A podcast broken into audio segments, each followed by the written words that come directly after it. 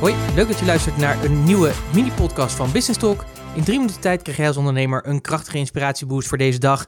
En de boost die ik je vandaag wil meegeven is: stop de e-mailterreur. Misschien ken je het wel op het moment dat je je e-mailprogramma opent of als je op je telefoon kijkt. Eigenlijk moet je dat gewoon van je telefoon afhalen om effectiever te zijn. Maar dat je op een gegeven moment je e-mailprogramma opent en dat er dan een hele lading e-mail is.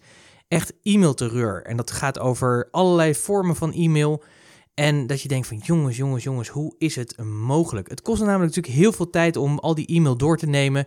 En vaak doen we dat ook ineffectief. Hè? Dan, ja, dan lezen we het door en dan denken oh, hier moet ik later wat mee doen. En dan stoppen we het in mapjes en dingetjes. Of we laten het gewoon in de inbox staan die we dan later weer gaan doornemen. Waardoor die e-mail waarschijnlijk al drie keer door ons hand heen gaat.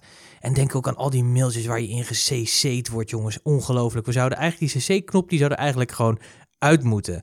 Want ja, op het moment dat het niet voor jou is, is het ook niet interessant om te weten hoe iemand anders denkt of vindt of ermee omgaat. Dus ik denk dat het tijd wordt om die e-mailterreur te stoppen. En dat kun je heel erg simpel doen door gewoon te stoppen met e-mail. En dat is natuurlijk nog niet zo makkelijk. Want ja, e-mail is natuurlijk een fantastisch communicatiemiddel.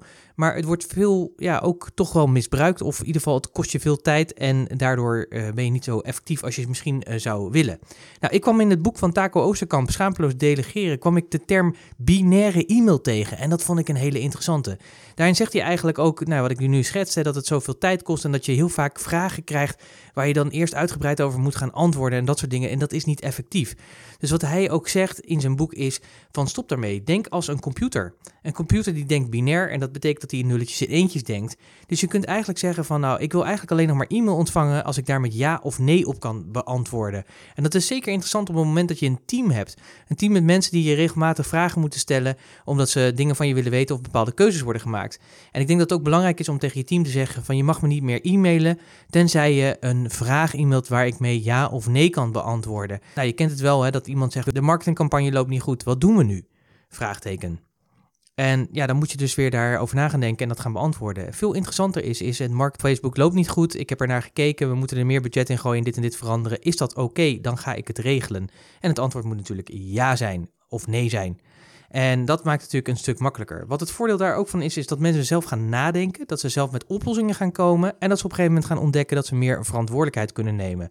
En dat is natuurlijk heel erg fijn. Nou, dit kun je natuurlijk toepassen zeg maar, in je e-mail, natuurlijk ook in je WhatsApp of andere communicatiemiddelen.